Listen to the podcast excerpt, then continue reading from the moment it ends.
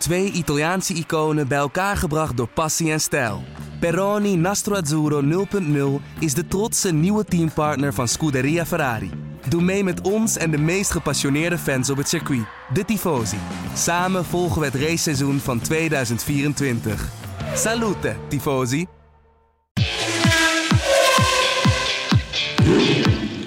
Dit is de Formule 1-podcast van De Telegraaf. Erik van Haren en Christian Albers praten hierbij over het belangrijkste Formule 1-nieuws. Ja, leuk dat je weer luistert naar een nieuwe podcastaflevering van, de, van deze Formule 1-podcast. Dat is een beetje een rare zin, maar goed, we gaan toch beginnen. uh, je zit er lekker in, joh. Ik was, al, ja, ik was helemaal verrast. Ik, ik logde in op ons uh, op het programma waar we de podcast opnemen. En jij zat al klaar, dus je hebt er zin in. Ja, ik was er vroeg bij, joh. De, ik ja. moet gewoon aan het werk vandaag. Keihard. Het is wel speciaal, hè? We hebben Marieke, die zit in Amsterdam. Ik zit in Monaco. Jij zit in uh, het oh zo fijne, warme Bahrein. Ja. Lekker, man. Dat kun je wel zeggen. Niet helemaal topfit. Want ik heb gisteren een voetbaltoernooi achter de rug. en ik vertegenwoordigde Alpine. Nee. En we kwamen tot, we kwamen tot de ja, finale. Daar kan, dus de... daar kan ik me voorstellen dat het niet zo, dat het niet zo soepel liep. Nou, we kwamen tot de finale, maar uh, die verloren kanso's. Alleen, uh, het was nogal hard stroef kunstgras. Dus alle collega's en van de Formule 1 die hier in ditzelfde hotel zitten, die zag ik vanmorgen strompelen bij het, bij het ontbijt. En inclusief ikzelf trouwens. Dat is echt een slagveld. Maar goed. Hey, um, hoe was het met Alpine, by the way? Dat is een mooi sprongetje te maken, want die hadden echt drama, hè? Nou, drama weet ik niet, maar uh, ik denk dat er wel andere teams zijn die, uh, die bij het drama. Ik denk dat je dat etiket toch meer op McLaren kan plakken. Na het testweekend. Maar ja, Alpine is een beetje lastig in te schatten. Want die nog achter de. Die hebben nog een upgrade, zeggen ze, voor komend weekend. Maar ja, ik denk dat het middenveld, als je het daarover hebt, dat dat heel, heel dicht bij elkaar gaat zitten. Dat heel spannend wordt. Of denk jij van niet?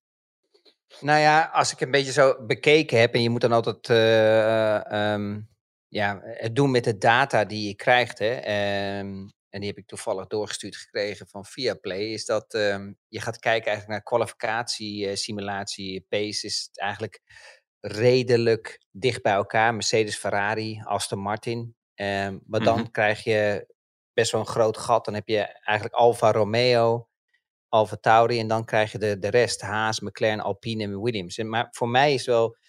Ja, de, de grootste klap is toch wel Alpine. Hè? Want die toch wel goed meedeed vorig jaar. Uh, merk je dat die nog echt wel gewoon... Uh, uh, daarachteraan hobbelen. En net wat je zegt, ja, misschien kan het zijn dat ze die echte update nog missen. Dat ze niks laten zien. Maar aan de andere kant, weet je, je hebt die luxe niet meer, Erik. Die luxe is er niet meer dat je leuk eventjes verstoppertje kan spelen. En dan uh, uh, volgende week uh, benzine eruit, of tenminste dit komend weekend benzine eruit te gooien. En dan in één keer, poef, daar sta ik. Want je wilt zoveel mogelijk fine-tuning doen. En je wilt zo, ja, ja, echt gewoon wennen aan die auto. En um, het maximale gewoon eruit te halen. Want je hebt maar drie testdagen en that's it. Ja, maar het is wel bijzonder. Want je hebt, ehm, de auto's zijn natuurlijk niet ja, ze zijn wel iets veranderd ten opzichte van vorig jaar. Maar je hebt een uh, Alpine en McLaren gehad die eigenlijk tot de laatste races strijden om die vierde plek in de constructeurstand. Uiteindelijk werd Alpine vierde en McLaren vijfde. En dat zijn eigenlijk de twee, ja, met name McLaren. Ja, die gewoon nu, uh, ja, als ze, als, de, als ze dit weekend niet helemaal bedriegt. Maar ja, ze zijn zelf eigenlijk best wel eerlijk over dat ze gewoon nu in één keer bij de slechtste teams horen. Ja, maar ja, iedereen was ook altijd zo'n fan van uh, Andreas Seidel. Dat was, dat was de godvader. En uh, natuurlijk is hij geen designer, dat begrijp ik ook wel. Maar ik was er nooit echt heel erg onder de indruk van. Um, ja, begrijp me niet verkeerd. Het is natuurlijk een goede people manager. En um, hij heeft natuurlijk ook wel wat laten zien natuurlijk bij Porsche. Maar het is geen designer. En dat is hetzelfde eigenlijk een beetje met Fred Verzeur. Weet je, het zijn geen designers. Het zijn niet de mensen die de auto uh, tekenen en de auto designen en dat, ze, en dat ze hem op, de, op, de, ja, op het circuit zetten uh, en dat daar de snelheid vandaan komt. Um, maar het zijn, het zijn wel mensen die de organisatie moeten aansturen. En als je gaat kijken bijvoorbeeld op het moment dat uh, Seidel ook naar McLaren kwam, hè, um, toen deed McLaren het heel goed. Ja, en de langer die daar zat, des te meer ze eigenlijk terugvielen. En, en dat viel me heel erg op. Dus ja, ik ben benieuwd wat hij ervan gaat bakken bij, bij Audi. Hè, bij Sauber. Ja, maar jij bent altijd fan van James Key en die is wel uh, verantwoordelijk voor het ontwerp van die McLaren. Ja, ik, ik heb altijd James Key heel erg hoog uh, zitten. Ik, ik, ik, heb het gevoel dat dat gewoon echt de tweede uh, Adrian Newey kan gaan worden. Um, ik heb ook met hem samengewerkt een langere periode. Um, als je gaat kijken naar zijn carrière, dan zie je ook echt duidelijk, weet je, overal waar hij naartoe is gegaan, dat die teams ook echt een grote sprong hebben gemaakt. Hè? vanaf Force India, in mijn tijd Midland, Force India. Ehm, Racing Point. Hij is toen uh, hij is naar um, hij is niet bij Racing Point heb je gezegd, maar bij Alfa Tauri is hij geweest. Hij is bij Sauber geweest. Ga zo maar door. En daar, daar zijn de prestaties wel altijd te goede gekomen. En bij McLaren ook eigenlijk het eerste, eerste twee jaar. Maar ja, je ziet nu bijvoorbeeld, ja, het is allemaal nog best wel ook wel heel erg vroeg. Maar als ik zo ga kijken naar die testdagen, dan schrik ik er wel van. Want ja, het kan ook zijn dat ik er wel eens gewoon helemaal naast zit. Maar um, je hebt gewoon je, er is geen reden om uh, nog te sandbacken. Dus echt maar met, met, meer gewicht te rijden, met minder motorvermogen. Ga zo maar door. Ik, ik, ik zie niet, daar niet het voordeel erbij. Um, als je maar zo kort op het raceweekend uh, testdagen hebt. En, en het maar drie testdagen zijn. Ja, nee, en als ik dan ga kijken en, naar die resultaten, dan denk ik ja, weet je wel, het valt ja. wel echt zwaar tegen. Maar bij McLaren kun je toch wel de conclusie trekken dat het geen sandbacken is. Want ze, hebben, ze zijn er zelf ook eerlijk over. Als je de coureurs uh, hoort en spreekt, uh, mensen in het team, om het team. Ja, eigenlijk is het, ja... Als, als, je echt, als je nog iets achter de hand hebt, dan zou je het niet zo spelen. Ze zijn echt, uh, zelfs bij de autopresentatie zeiden ze dat ze toch wat achterlopen op de ontwikkeling. En dat ze eigenlijk wachten tot de nieuwe onderdelen. Maar die komen pas in Baku. Dat is de vierde race van het jaar. Dat duurt nog twee maanden. Uh, dus voor iemand als Norris is het natuurlijk wel een bittere pil. En ook een Piastri, hè, die uh, dan Alpine verlaat van McLaren. Maar ja, je kan je nu al uh, afvragen of dat wel de juiste keuze is geweest. Alhoewel ja, Alpine moet je natuurlijk ook maar afwachten hoe die ervoor staan. Ja, dat klopt. Maar aan de andere kant, hij had ook echt geen optie. Hè? Het is natuurlijk altijd koffiedik kijken. Het is altijd lekker makkelijk achteraf ehm, ja, erover praten. Maar op dat moment had hij natuurlijk echt absoluut geen keuze dan alleen uh, naar McLaren te gaan om daar een racestoeltje te bemachtigen. En ja, op het moment dat hij die uh, deal tekende. Ja. ja, toen hij die deal tekende, ja, hij kon, geen kant, hij kon geen andere kant op. En dan ga je natuurlijk altijd voor een racestoel. Dat dat later anders uitpakt, ja, dat is natuurlijk altijd uh, ja. makkelijk. Maar dat was natuurlijk niet het geval. Hij had maar één optie en dat was om te ja. racen. En dat was bij McLaren en die heeft hij aangepakt. Dus op dat opzicht heb je dat goed gedaan met Mark. Alleen ja, als je gaat kijken, bijvoorbeeld, ja, ik, vond, ik weet nou niet of ze echt veel slechter zijn als die Alpines, om heel eerlijk te zijn. Tenzij dat Alpine echt met een serieuze update komt nog uh, uh, voor dit weekend. Um, waar ze dus ook echt performance vinden. Dus echt prestaties nogmaal, uh, nog een keer vinden. Ja, uh, Piastri had dus bij Alpine normaal ja, kunnen blijven als Alonso niet. Hè, want omdat Alonso wegging, kwam in één keer wel die plek. Nou, we weten allemaal hoe dat is verlopen. Maar ja, Alonso zal toch op dit moment niet ontevreden zijn met die overstap naar Aston Martin. Want ja, als ik ook naar de vragen krijg die we van de luisteraars hebben gekregen, gaat het eigenlijk bijna alleen maar over Aston Martin. Vind jij dat te, te veel een hype op dit moment? Of, of ben je ook al zo enthousiast? Nou ja, kijk, als je kijkt waar ze vandaan komen, uh, natuurlijk ben ik enthousiaster. Uh, ik denk dat hij de juiste keuze heeft gemaakt. Maar um, ook voor Alonso was natuurlijk het probleem, is dat natuurlijk Alonso was, weet je, als je op een leeftijd bent zoals waar hij uh, op dit moment zich bevindt, hè, dan is de vraag, he, heb je wel die luxe om te wachten tot Alpine met een deal bij je komt? ondanks dat ze nog ook zeg maar, een reserverijder op de bank hebben zitten, zoals een Piastri op dat moment, waar heel veel hype gecreëerd werd, weet je wel, waar echt een, een behoorlijke PR-machine aan stond. Dan is het natuurlijk ook voor Alonso van oké, wat voor keuze ga je maken? Het is nog niet zo dat hij nog een paar jaar, zeg maar vijf jaar nog even of tien jaar nog even lekker door kan racen. Dus de, daar, daar staat het, ja, de klok ook aan. En dan is er een moment natuurlijk dat je met zo'n organisatie zoals uh, Renault, wat achter Alpine staat, daar veel langer over doet om een beslissing te maken. En, en totdat je tot een deal komt. Ja, en daar is Stroll natuurlijk, ja, die is daar uh, ja, significant uh, sterk in. Want ja, die kan zelf beslissen. Ja, dus die beslist gewoon natuurlijk op gewoon een, een, een, leuke meeting. Als hij een goed gevoel erbij hebt bij een kop koffie of een kop thee. Ja, dan is het gewoon uh, tjak, tjak, tjak en de deal is done. Ja, maar toen, toen die deal werd getekend waren er veel mensen, jij niet overigens, die, die zeiden ja, dat gaat alleen maar om het geld. Alleen ja, ik denk dat hij toch. Alonso heeft natuurlijk al uh, genoeg uh, denk op zijn bankrekening staan. En de plannen van Aston Martin, ze zijn natuurlijk wel ergens mee bezig. Ze hebben de afgelopen jaren heeft Stroll flink geïnvesteerd. Ze hebben echt goede mensen weggehaald bij Mercedes en Red Bull. En ja, dat lijkt zich nu toch wel zijn vruchten af te werpen. Ehm, dus ik ben benieuwd als ze echt zo goed voorstaan en ze zitten echt zo dicht bij Mercedes. Ja, dan krijg je ook gevechten Hamilton-Alonso. Ik denk dat dat ook wel iets is om ons op te veugen, want dat zijn niet de, de grootste vrienden, om het zacht uit te drukken. Uh, Dus ja, dat kan ook wel heel leuk worden. En ik ben toch bij Mercedes kan ik toch moeilijk inschatten. Ik weet niet hoe jij dat ziet. En datzelfde geldt ook een beetje voor Ferrari. Want uh, bij Red Bull zijn ze heel optimistisch, maar ook nog wel een beetje van, ja, mensen denken misschien wel dat we heel erg veel voorstaan, maar we weten niet echt wat bij Ferrari staat. Nou, het jammer daarvan is, ik heb, ze nog niet, ik heb Laurent ook nog niet gesproken bij Ferrari. Dus die moet ik vandaag of morgen bellen. Dus we zijn net iets te snel met de, met de podcast. Maar ik had wel het gewoon het gevoel dat ze toch allemaal wel stiekem echt denken dat Ferrari, uh, Red Bull het echt goed voor elkaar heeft. Um, ja, dat maar, nog even, maar nog even terug te komen bij, uh, bij Aston Martin. Ja, weet je, het is eh, waar we eens vaak over gehad hebben, er wordt zoveel geroepen. Ik denk dat hij een, een, een redelijke goede keuze heeft gemaakt. Het is, eh, het, ik denk dat ook soms een beetje meer geluk dan wijsheid bij komt spelen ook. Um, hij wou gewoon het risico niet uh, lopen uh, van Nando dat hij ergens tussen wal en schip eindigt. Hè? Dat je dan een onderhandeling hebt en dat Alpine dus toch gaat kiezen voor een jonge coureur. Hè, die onzekerheid, je weet natuurlijk nooit wat er gespeeld hebt in die, in die onderhandelingen. En um, ik weet nou niet of hij echt heel veel meer gaat verdienen. Daar geloof ik niet in. Uh, want hij zat op een ja, behoorlijk uh, stevig salaris bij Alpine. Maar, ik, denk ehm, dat meer, ik denk dat het trouwens meer om uh, de lengte van het contract ging ook. Dat Alpine ja, misschien juist. één jaar wilde en hij wilde meer zekerheid.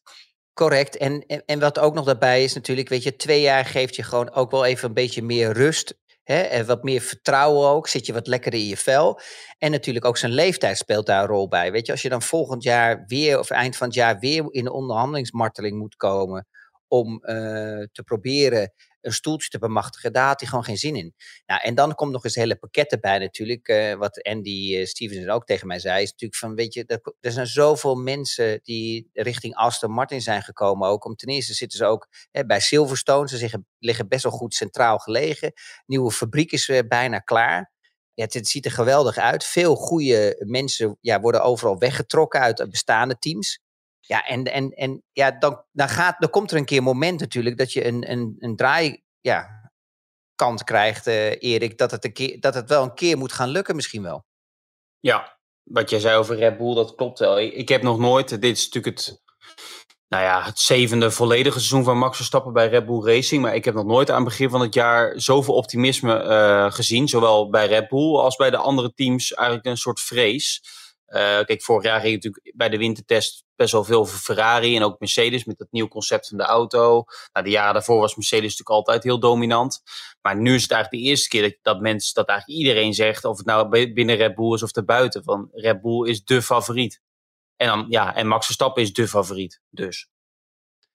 Nou ja, allereerst is Max altijd de favoriet in het team bij Red Bull. Want echt die Perez, joh kanonnen, man.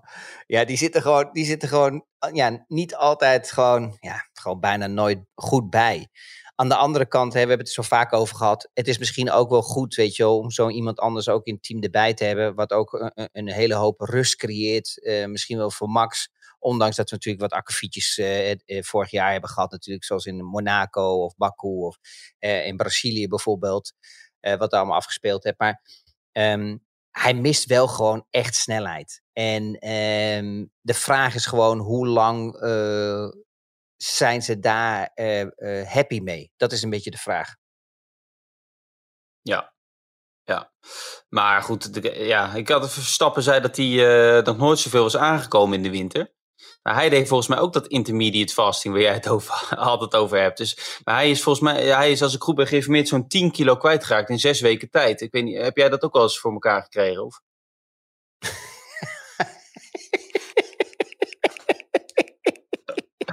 of kwam het er bij jou juist 10 kilo aan? Dat, dat lukt wel in zes weken tijd, maar daaraf is lastiger.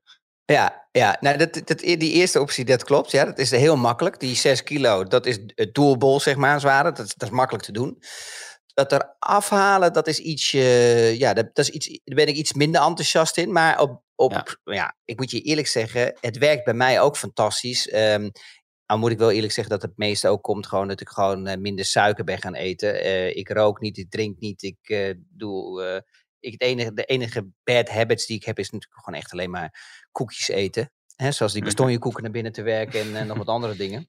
S'avonds onder, onder het mom dan van, ja, ik ben wel gezond bezig, want ik eh, drink groene thee erbij. Ja, Nou, dat werkt, dus, dat werkt blijkbaar dus niet.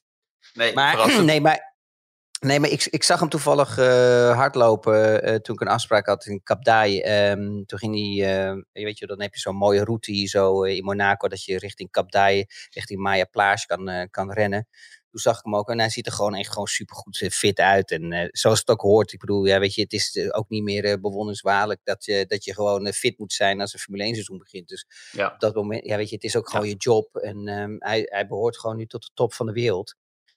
dus ja, als, ik hem zo, als ik hem zo zie, dan, dan oogt hij ook gewoon super fit. En, en daarbij ook Nick, hè, die heeft ook super veel gedaan. Ik denk dat het beste voor hem is Ja. dat hij natuurlijk gewoon al die testdagen gewoon goed en veel heeft kunnen rijden. Zonder grote, ve- ja, veel problemen. Ehm, waardoor ook het toch altijd het beste is, weet je, dat je in die auto zit en dat je rondjes kan rijden. Want je hebt toch altijd hele kleine spiertjes in je nek die toch allemaal meewerken en meehelpen om die nek stevig te krijgen. Ja, en toch, eh, weet je, de realiteit, dus echt in die auto zitten, dat is toch echt de beste training. Hè? We kunnen wel zoveel mogelijk simuleren eh, met, met in, de, in de fitness. ehm, maar het is nog niet altijd eh, zoals het echt is op het circuit. Het is een beetje hetzelfde probleem als al die Formule 1 teams hebben. Hè? Theorie en praktijk ligt nog best wel wat uit elkaar. Ja, ja, nee, ja, Alfa Tauri heeft natuurlijk de meeste kilometers afgelegd bij de testdagen. Dus dat is op zich dat is natuurlijk al fijn. Zeker als je nieuw in het team bent en eh, je moet die hele auto nog eh, leren kennen. Dus eh, ik denk dat Nick heel tevreden, of ik denk dat, dat was hij ook heel, hij was heel tevreden over hoe het allemaal is, verlopen. En ehm, ja, Verstappen, ik snap wel, kijk, hij zegt gewoon in, in december, ik denk trouwens iets eerder al, misschien na Austin, toen de constructeurstitel ook binnen was, dat hij ja, dat hij iets meer ging drinken en eten wat hij, wat hij zelf wil. En dan komt hij snel aan, want hij zit natuurlijk al een beetje onder zijn normale gewicht. Dus dan gaat het ook wat sneller. Maar ik sprak gisteren Jody en Palmer, die zat, eh, daar voetbalde ik mee. En die reed met mij eh, mee terug naar het hotel. Oud eh, Formule 1 coureur. Maar die zei dat hij, en aardig wat coureurs altijd een beetje hetzelfde doen. Dan na het seizoen even een paar weken gewoon even, even nergens aan denken. En dan vanaf januari weer vol, eh, vol, volle bak trainen. Ik weet niet, deed jij het ook zo? Of was jij in de winter ook, eh bleef je heel constant zeg maar, door het hele jaar door? Nou, ik bleef redelijk constant. ehm, maar eh, blijkbaar kon mijn lichaam dat aan. Ik, ik bleef ook wel redelijk een beetje doortrainen. Kijk, zolang je maar blijft trainen, dan, eh, dan blijf je natuurlijk die verbrandingsmotor, die blijft natuurlijk vol gas aanstaan. Dus je, je verbrandt gewoon alles. Dan kan je net zoals een wielrenner of eh, wat voor sporter ook gewoon een heel pak stroopwafels naar binnen werken. Daar merk je niks van. Maar zo- zodra je echt niks meer gaat doen, ja, dan komt meestal de klap. Ehm, maar er is ook niks mis mee, want het is ook soms wel eens goed gewoon voor het lichaam. Gewoon eens een keer even gewoon te resetten, gewoon ook rust te hebben. En die rust voor jezelf te creëren, om ook weer die drive te vinden. Als je continu in die drive blijft, om maar te moeten presteren.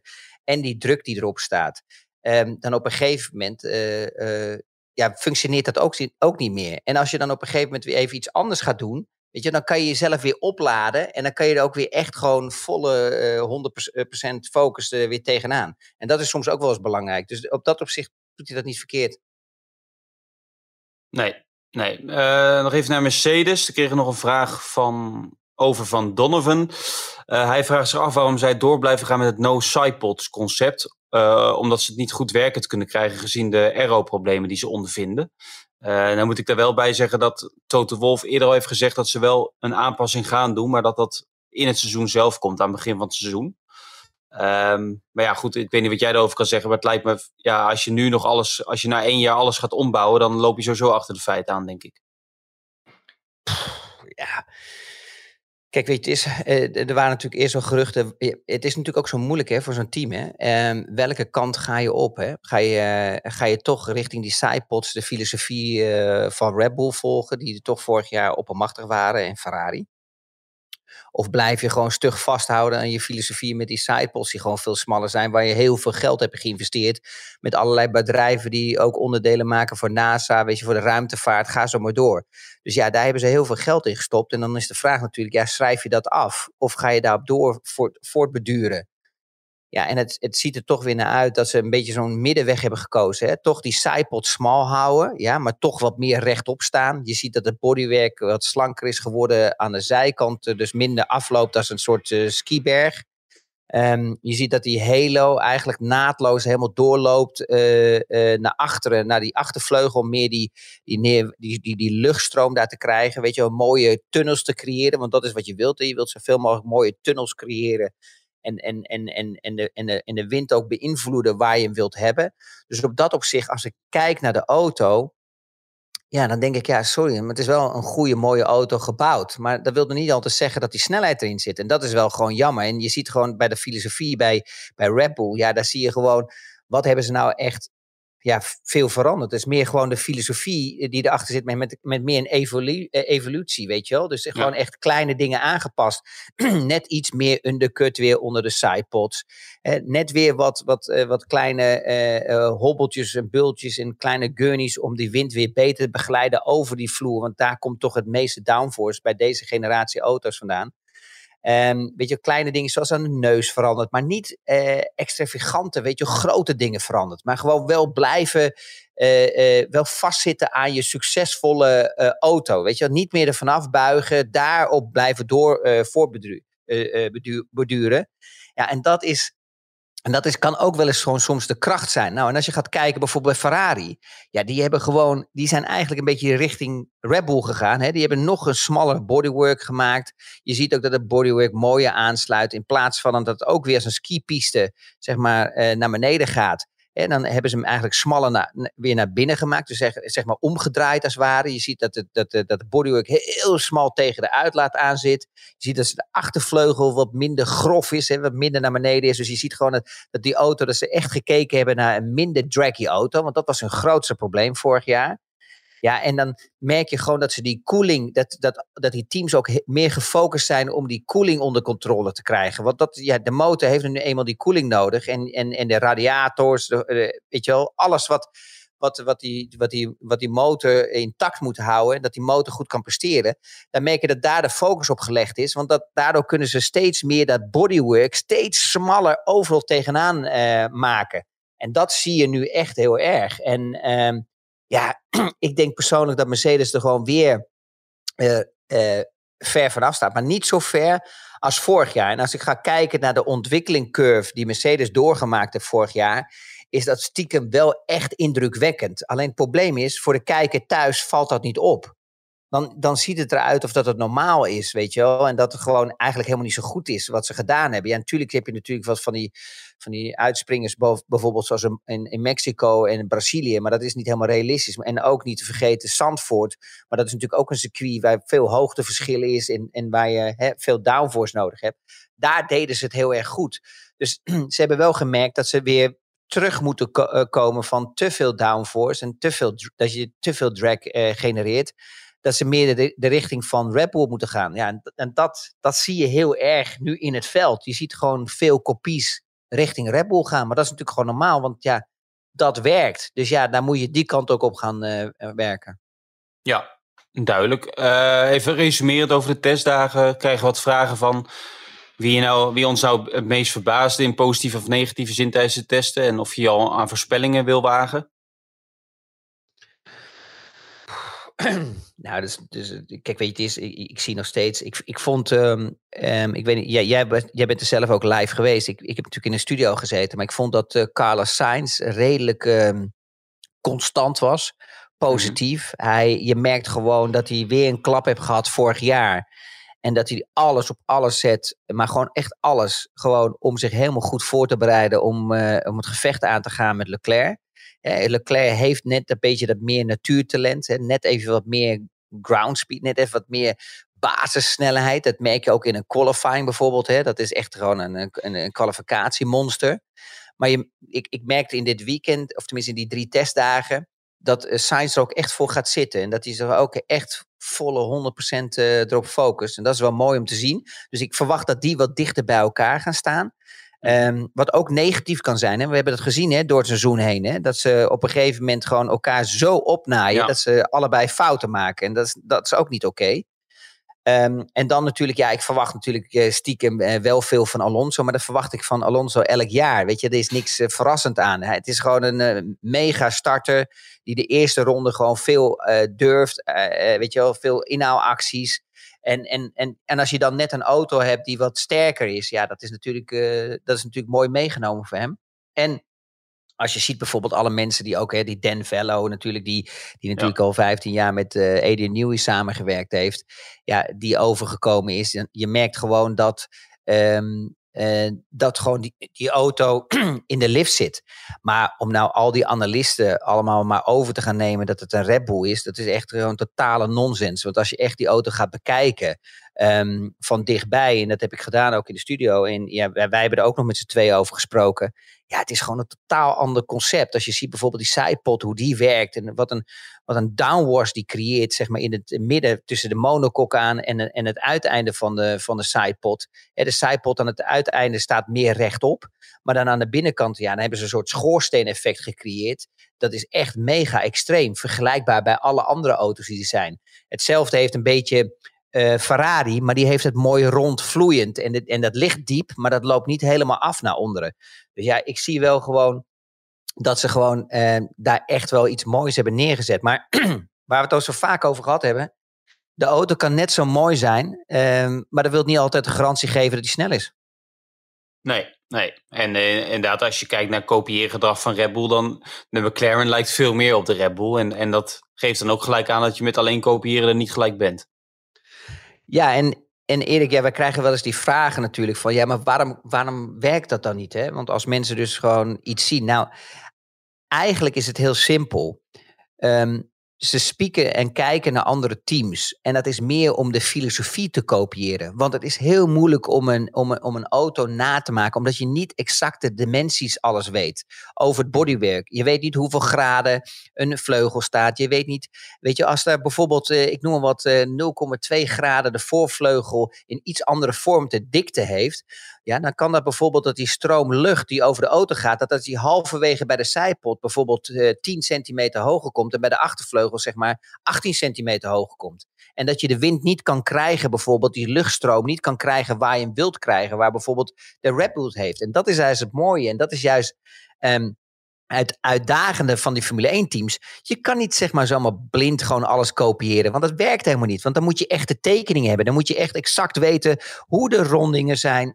hoe de vorm is van de auto.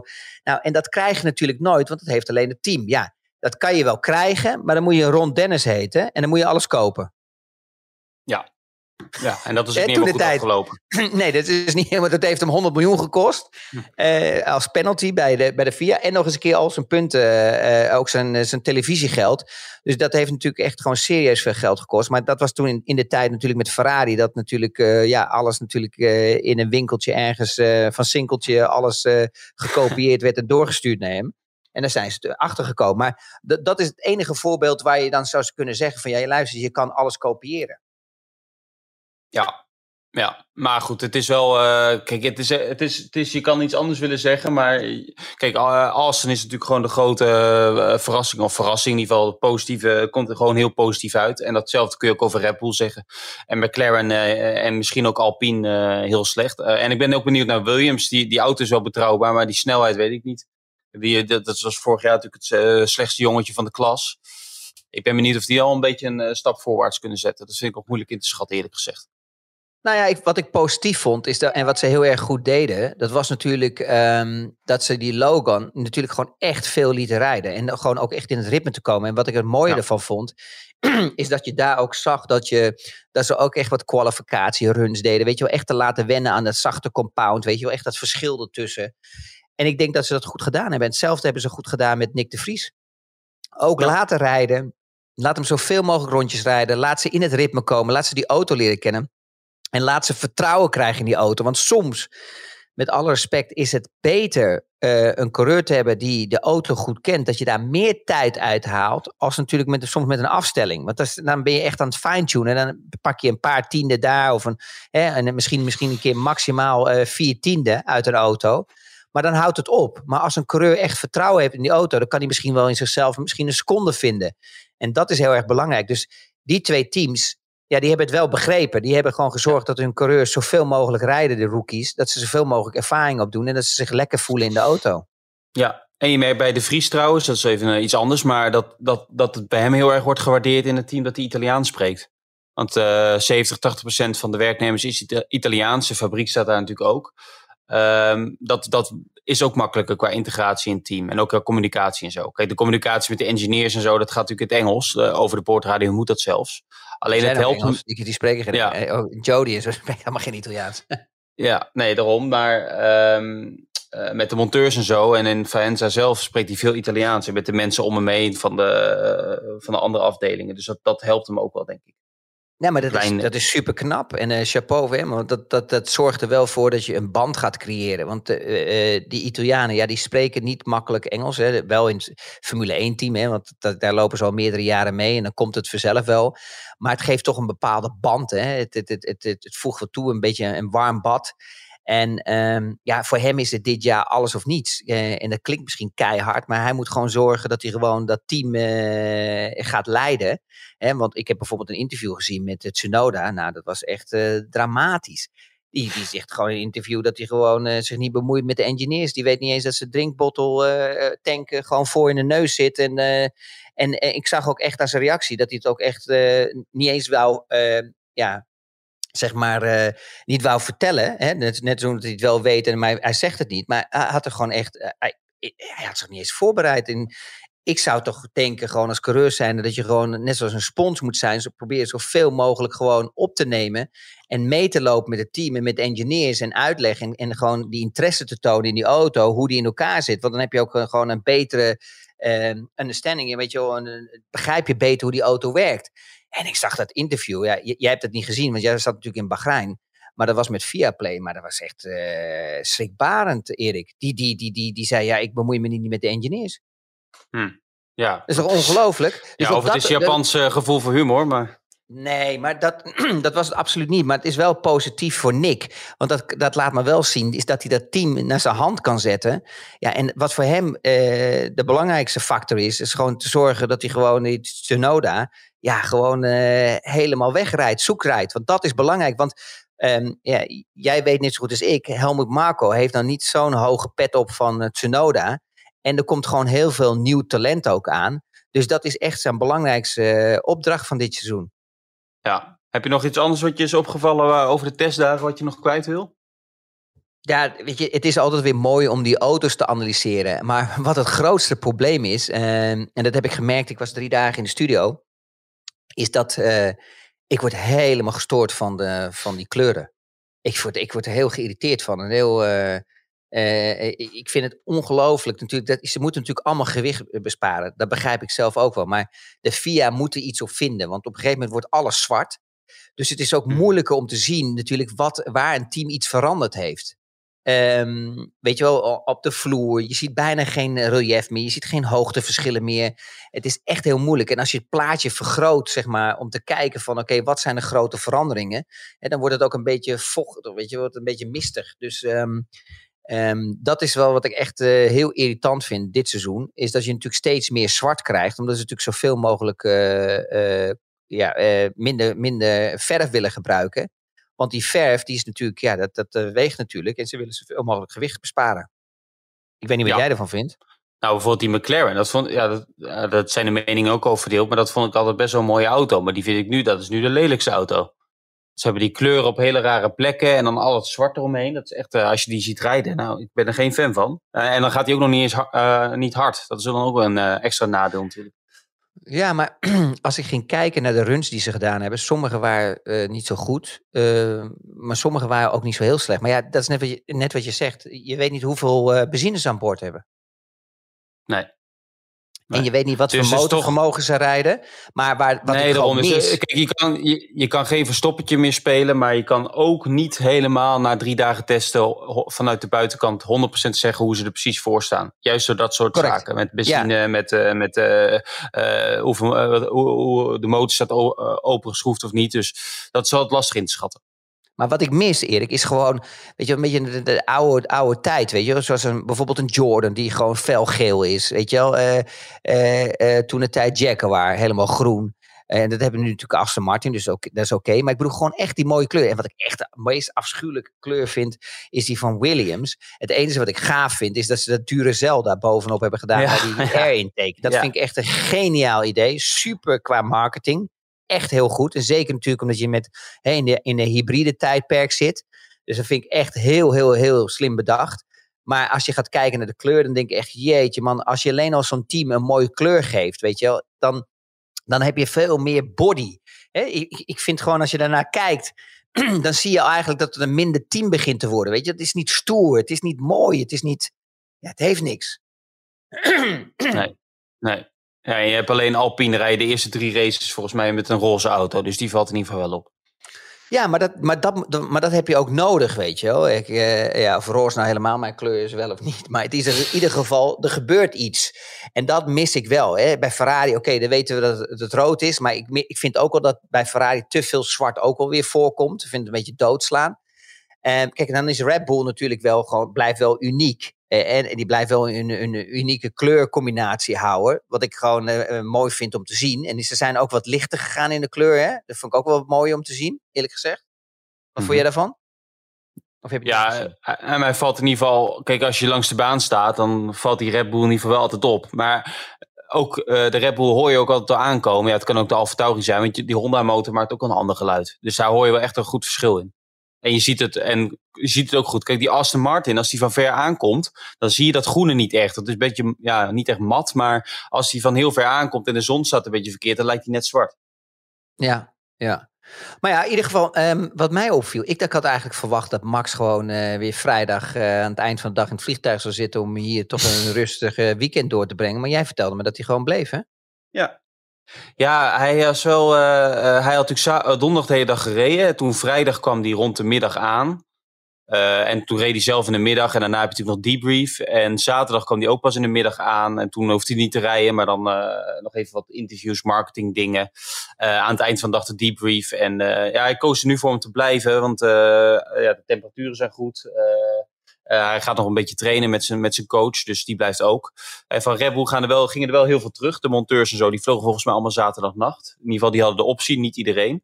Maar bijvoorbeeld, uh, bijvoorbeeld van de Mercedes, ja, die deden gisteren bij dat voetbaltoernooi. Die hadden wel vier teams kunnen opstellen, dus die zijn wel allemaal gebleven. Uh, ja, het is een beetje, iedereen mag een beetje bepalen wat, wat hij of zij het fijnst vindt. Maar ik denk dat de meeste coureurs wel zijn gebleven. Uh, omdat die prima, prima omstandigheden zijn. En ja, als je gaat vliegen, dan ben je toch weer eigenlijk twee dagen kwijt. Dat is toch uh, stiekem best wel een end. Um, en dat is qua fysieke voorbereiding misschien ook niet zo lekker. Ik weet niet, ja, van vliegen word je toch nooit heel erg, voel je, je nooit echt heel fit. Of had jij daar geen last van? Nee, ja, ik had precies hetzelfde. Ik wil altijd blijven um, waar ik was. Hè, zo min mogelijk heen en weer te reizen. Want je vliegt toch een dag in het vliegtuig en weer een dag terug. Dus je kan in twee dagen in principe niks doen. En ik denk dat dat ook een beetje zijn ding is. Dus ik weet niet of uh, misschien heeft hij wel uh, Kelly en iedereen ingevlogen om uh, lekker relaxed daar een weekendje door te, ja. door te halen. En, en, en gewoon lekker te relaxen en te focussen op een weekend. Ik denk dat het ook de beste approach is naar zo'n weekend toe. En, um, maar je zag ook gewoon dat hij bij het testen ook relaxed was. Nou, hij ziet er altijd wel relaxed uit. Ja, maar hij heeft gewoon een goed gevoel. Dus je, dit is gewoon weer een grote kans dat hij zijn derde wereldtitel naar binnen sleept.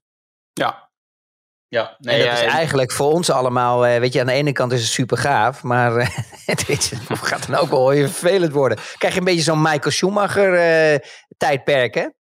Ja, alleen, ja, het is natuurlijk fijn als het een beetje, kijk, zo'n seizoen als twee jaar geleden was natuurlijk uniek, uniek met de, spanning tot de laatste ronde. Alleen een beetje spanning is natuurlijk leuk. Alleen aan de andere kant, ook vorig jaar, toen eigenlijk al lang duidelijk was dat hij wereldkampioen zou worden, hebben we toch nog best wel heel veel leuke races, races gezien, hè? Fantastische races dus ja, gezien. Uh, het is wel een beetje, je kan het positief bekijken of negatief. Maar uh, ik vind wel dat we, uh, wat dat betreft, en, en rond Verstappen is het eigenlijk nooit saai. Dat is natuurlijk ook wel fijn. Ook als hij alles wint, dan je kan altijd wel. ja, hij maakt altijd wel iets los. Hij geeft zijn mening. hard op de tong en zo, dat soort werk. Dat werk. Dus wat dat betreft kun je het ook slechter treffen. Maar Erik, weet, het mooiste is natuurlijk altijd bij Max, is natuurlijk als hij een auto heeft die net niet goed genoeg is, weet je wel, om ja. pole positions te kunnen rijden. En dan natuurlijk dat gevecht te hebben natuurlijk door zo'n door zo'n race heen. En dan zie je natuurlijk echt wel dat hij gewoon echt een racer is, weet je wel. En qualifying is natuurlijk ook fantastisch, maar dan zie je pas echt het talent, weet je wel. En dat maakt natuurlijk Formule 1 de, eh, eh, in, de, in de tijd van, eh, van Lewis Hamilton natuurlijk uh, zijn eerste wereldkampioen. Ja, dat was natuurlijk een fantastisch seizoen.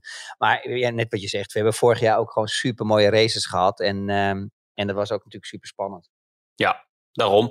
ik kreeg nog een vraag, iets heel anders van Tom. Die vroeg zich af uh, of jij weet hoe, hoe coureurs worden betaald. Krijgen ze maandelijk salaris of krijgen ze bam een grote som aan de start van het seizoen? Oeh, uh, dan moet ik even ver terug hoor, in mijn tijd. Ehm, nou, meestal. je hebt het allemaal doorheen gejaagd natuurlijk. Ja, ik heb, ik heb niks meer over. Het is gewoon uh, volle bak ben ik tekeer gegaan. Ik heb uh, drank, drugs en uh, vrouwen. ja, zo sta je wel bekend, ja. ja, dat is echt niet normaal. Nou, als er eentje ja. staat, ben ik het wel. Um, uh, mijn, ja, mijn geluk was altijd dat ik gewoon een workaholic wel, ben. En dat ik dus altijd alleen maar aan het werk blijf. Maar, maar volgens mij is het maandelijks dat je gewoon, je, je factureert gewoon uit. Hè? Uh, privé of mensen die een, een andere vehicle hebben of een, of een company structuur hebben. Bedrijfsstructuur. Dus het, ligt er een beetje aan wie of wat en hoe ze dat gestructureerd hebben. Maar meestal is het gewoon een maandelijks dat ze gewoon een, een rekening eruit sturen en dan wordt er overgemaakt. Maar er zijn ook teams bijvoorbeeld eh, waar ze één rekening eruit sturen en uh. En dan wordt er gewoon elke maand overgemaakt. Ja. En Sander Wolbert vraagt nog aan jou of jij dit seizoen ook een aantal keer de analyse gaat doen vanaf het circuit zelf voor Viaplay. Oh, wauw. Ja, ik hoop het wel. maar dat ligt natuurlijk een beetje aan welke circuits er komen. Maar de planning die ik doorgenomen heb is waarschijnlijk toch wel weer Monaco. Omdat ik natuurlijk zelf woon. Um, ja, en dan gaan we ja, verder zien hoe of wat. Ik vond het wel echt heel leuk te doen op de grid. Uh, zeker om al die mensen gewoon, weet je, een beetje aan een, aan een, aan een mouw te trekken en voor de camera te krijgen. Dat, je, dat, de, dat de mensen thuis ook een beetje meer gevoel erbij krijgen. Ook de mensen achter een, een team en wie nou echt belangrijk is. Dus ook altijd wel leuk om te horen wat voor meningen zij hebben. Dus ik vond het leuk om te doen. Maar uh, dat ligt er een beetje aan hoe mijn uh, schema eruit ziet uh, qua studiowerk. En ook gewoon of er tijd is om, om dat soort Grand Prix zeg maar ook te, te bezoeken. Ja, nog even tot slot een nieuwtje wat ik net doorkrijg. Is dat in Barcelona die chicane wordt verwijderd ehm, in de derde sector. Na een bakken van kritiek al jarenlang. Dus laten we hopen dat dat misschien ervoor zorgt dat de races daar wat leuker worden. Oeh, ik weet nou niet of de race daar echt beter van wordt als je die chicane weer gaat. Dat wil zeggen eigenlijk dat ze die, daar die, die ene laatste bocht weer erin doen, die hele snelle. Ja, dat de oorspronkelijke circuit, zeg maar. Ja. Nou, daar ben ik eigenlijk helemaal niet zo positief over. Omdat je dan, uh, uh, dan ga je als coureur zijnde uh, die achter, zeg maar achter een andere auto rijdt, dan verlies je natuurlijk gewoon downforce. Dat betekent dat je afstand, uh, ja, je gaat minder snel door die bocht. Dat betekent dat je, dat je achterstand groter wordt, dat je meer downforce verliest, dat je, dat je niet kan aanhaken en dat je dus eigenlijk minder acties gaat zien. Maar ja, misschien zit, ben ik fout, maar dat zou ik als eerste, als theorie direct hebben. Ja. Dus ik ben er niet zo positief over. Ik vond het juist wel mooi omdat je dan momenten gaat creëren. Um, waar natuurlijk uh, in een race bepaalde auto's uh, mechanische grip uh, afneemt. Hè, door, door, de, door de rondes heen. En dat je dan dus gewoon slechter uit zo'n chicane wegkomt. Hè? Dat je dus minder tractie hebt, meer wielspin. Ja, en dan hebben, uh, hebben andere auto's natuurlijk de kans om gewoon er gelijk dicht achteraan te zitten. Want je hebt natuurlijk een, dan, je, je snelheid is daar minder. Dus je hebt minder aero nodig. Dat betekent dat je er dichter uh, bij kan zitten. En dan heb je natuurlijk een mogelijkheid. Want die laatste bocht die is eigenlijk makkelijk vol gas als je uit die chicane komt. En dat zorgt ervoor dat je, dat je kansen creëert naar de eerste bocht. Alleen ja, ik kan me voorstellen dat de coureurs klagen omdat ze het gewoon irritant vinden, die chicane. Het is ook gewoon een K-chicane, KUT. Want het, is mhm. gewoon, het, is niet, het, is, het is gewoon niet fijn om te rijden. Weet je, het is, er is geen lol. Want hij is net, hij is net niet vloeiend. Het, weet je, er zit geen momentum in. Dus dat kan ik me wel voorstellen. Maar het, het zorgt wel voor minder inhaalacties, uh, voor mijn opinie. Ja, maar kijk, die chicane haalt natuurlijk alle vaart daar weg. En dat, ja, als daar meer inhaalacties tegenover staan, is het goed. Maar ja, kijk de races erop na van de laatste vijf jaar. Dat zorgt er niet voor. Dus uh, je, hebt, je hebt eigenlijk nauwelijks inhaalacties uh, gezien. Ook, de, ook niet richting bocht 1. Ja, maar als 1, 1 2, die snelle combinatie. Ja, maar als je nu twee, nu heb je straks twee high-speed corners. Mm -hmm. Dat betekent dus dat iemand niet te dichtbij kan komen. Je verliest nee. gewoon downforce erachter. Je krijgt gewoon vieze lucht. Dat betekent vieze met, lucht, ja, betekent met, turbulentie. Is met de huidige auto's wel iets beter dan daarvoor, maar goed. Je houdt het ja, altijd okay, natuurlijk. Maar des te lager natuurlijk een bocht qua snelheid is, des te minder uh, uh, problemen die je daarmee hebt. Nou, we gaan het zien in, uh, wat is dat, begin juni volgens mij, Barcelona. Ja. Dus ik ben er tot nu, nu nog niet zo positief over. Nee, ik hoor het. Okay. ik zal eens kijken of ik het onthoud uh, tegen die tijd, of het echt helpt. We hebben natuurlijk al vaker gezien dat dingen worden aangepast en dat alsnog niet helpt. Hè? Dus uh, het is zeker ja. geen garantie. Maar wat wel ja. positief is natuurlijk, en, da- en daar moest ik ook wel even om lachen nog, Erik. Ik weet niet of jij, we hebben nog even over gesproken, over het interview, maar ik, ik- je had het niet gezien. Maar eh, er werd een interview gedaan. Christian Horner stond natuurlijk gelijk vooraan, want die, die dacht van ja, hop, met de zonnebril op natuurlijk. Ja, het is heel verrassend. En, er wa- en er was een interview met Viaplay. En eh, toen zeiden ze, ja, is het goed die testdagen? Nou, voor hem konden het er minder zijn. Ja, dat begrijp ik natuurlijk wel. Ja. Want eh, ja, ze hebben natuurlijk die penalty in de, in de windtunnel en eh, die 10%. Ja. En, en, en die wil natuurlijk als Red Bull zijn dat er zo min mogelijk testdagen zijn, waardoor ze natuurlijk hun voorsprong behouden. En dat mensen minder de theorie met praktijk eh, kunnen vergelijken. Eh, maar op dit moment eh, denk ik dat ze daar weinig pijn aan hebben, ehm, aan dat windtunneltime. Maar dat gaan we zien dan door het seizoen hoe dat gaat ontwikkelen. Dus dat kan ook nog wel zijn. hè. Het kan wel zijn dat we denken van, jezus man, de eerste paar races, wat kan Red Bull eh, oppermachtig zijn. Maar dan gaan we door zo'n seizoen heen gaan we kijken wat nou de penalty is geweest om wereldkampioen te worden. Hè? Dus de, daar krijg je al straf van, eh, dat je minder windtunneltijd hebt. Plus nog eens een keer die extra 10% natuurlijk, omdat ze die over budget zijn gekomen. Dus ik, ik ben benieuwd hoe dit seizoen gaat verder gaat verlopen. Ja, ja, zeker. En Christian Horner, die, eh die merkt toch een beetje dat hij eh, eh, links en rechts een beetje eh, toch wat meer macht nog naar zich wil toetrekken. Natuurlijk heeft het ook te maken met het eh, overlijden van eh, meneer Matasic. Ja, Maar ik Dat vraag me af of, of hij daarin gaat slagen. Want eh, nou ja, hij heeft in ieder geval wat, laat ik zeggen, wat eisen, ook eh, wat mediacontacten eh neergelegd. Maar die zijn niet heel erg realistisch, laat ik het zo zeggen. Dus eh, misschien overspeelt hij zijn hand een beetje. Uh, mijn opinie is dat het gewoon een tijdbom gaat worden. Eh, eh, zolang de resultaten daar zijn, dan is hij in het voordeel eh, van hem en Newey. Eh, maar ik heb het gevoel dat ze gewoon proberen een beetje van die Marco af te komen. Misschien is het helemaal fout, maar ik heb wel dat gevoel. Ehm, en zeker als ik dat ook hoor van jou, dat, eh, dat ze bepaalde journalisten allemaal eh, eh, proberen een beetje eh, in bedwang te houden van, eh, met, eh, of tenminste in ieder geval in zijn team, dat met Dr. Marco minder gesproken mag worden. Ja. En die Thaise baas, die was er ook geloof ik, hè, Ja, van, eh, van Red Bull. Ja. ja. Ja, ik, ja, ik ben er niet. ik, ik denk dat dat nog wel eens een dingetje kan gaan worden door het seizoen heen. En er speelt nog de AlphaTauri-zaak? Want eh, daar gaan de geruchten worden steeds hardnekkiger dat ja, de nieuwe eh, Red Bull Autosportbaas, ehm, dat die eigenlijk ja, daar niet zo fan van is. Van AlphaTauri kost veel geld. En het AlphaTauri, het kledingmerk zelf, hè, dat is opgericht door de vriendin van eh Weile Matisic. nou, maakt ook niet echt winst, om het zacht uit te drukken. Dus het kan zijn dat ze, daar, dat, ze dat of willen verkopen of willen verhuizen naar Engeland. Ehm, en ik vond het opvallend dat Helmut Marco het hele weekend elke dag een heel groot Alfa Tauri t-shirt aan had. Ehm, eh, ik weet niet of dat, eh, of dat toeval was of dat hij dat toch nog extra wilde laten zien dat hij daar nog achter staat. Dat dat een soort politiek iets was. Maar eh, dat, dat viel mij dan wel weer op. En, maar het leuke is inderdaad als ze willen dat Helmut Marco niet meer met de media praat. Dat is een mission impossible. Want die praat met wie die wil. En die gaat echt, hoe oud is die? 79, 80. Die gaat echt niet zijn, zijn leven ineens nog aanpassen. En gelijk Nee, heeft hij trouwens. Ja, en de grote baas is er natuurlijk niet meer. Die echt toch wel over onze vinger in de pap had. En, die, en waar iedereen toch nog wel een beetje ja, bang voor was. eh, eh, eh, wie betaalt, bepaalt. Hè? Ondanks dat die Thaise investors erbij zitten. Ehm, die merkte gewoon dat eh, ja, eh, Helmut Marco was daar gewoon echt zijn rechterhand. En, en die kon gewoon echt een potje breken bij hem. Ja, en die is nu weggevallen. Ja, dus dan krijg je natuurlijk gewoon dat Horner, denk ik, aast op diezelfde positie. En gewoon meer powerful kan worden. Ja, ik, ik, ik zie daar nog wel iets uit voortvloeien. En ik weet dan niet of dat heel erg positief gaat worden. Nee, nou, dat wordt vervolgd. Ik, ik, we kunnen in ieder geval wel concluderen dat eh, Max Verstappen vorig jaar rond deze tijd, iets eerder in de maand, eh, eh, een geweldige timing had met het tekenen van zijn contract. Tot en met 2028, met Matisic Ja. nog aan boord. Klopt, ja. Ja, dat Top, heeft ja. hij echt. Dat, dat is met de kennis van nu toch wel echt heel erg. heeft het heel erg goed uitgepakt. Nou ja, maar ja, wat wil je als Christian Horner? Je weet je, wie kan je anders in de auto zetten die zo geniaal is? Ja, je weet gewoon met Max Verstappen dat als je een auto bouwt die drie, vier tienden tekort komt, ja, dat je dan nog steeds mee kan doen aan het wereldkampioenschap. Ja, hoe fijn is dat? Dat is ja, moet je nagaan als je, de, als je de drie tiende bo- eh, onder zit, zeg maar. Ja, dan wordt het ja. helemaal. Dan Ja. wordt het pijnlijk, ja. En, en eh, wat was jouw eh, indruk van Nick dit weekend? Gewoon goed, hè? Gewoon veel gereden.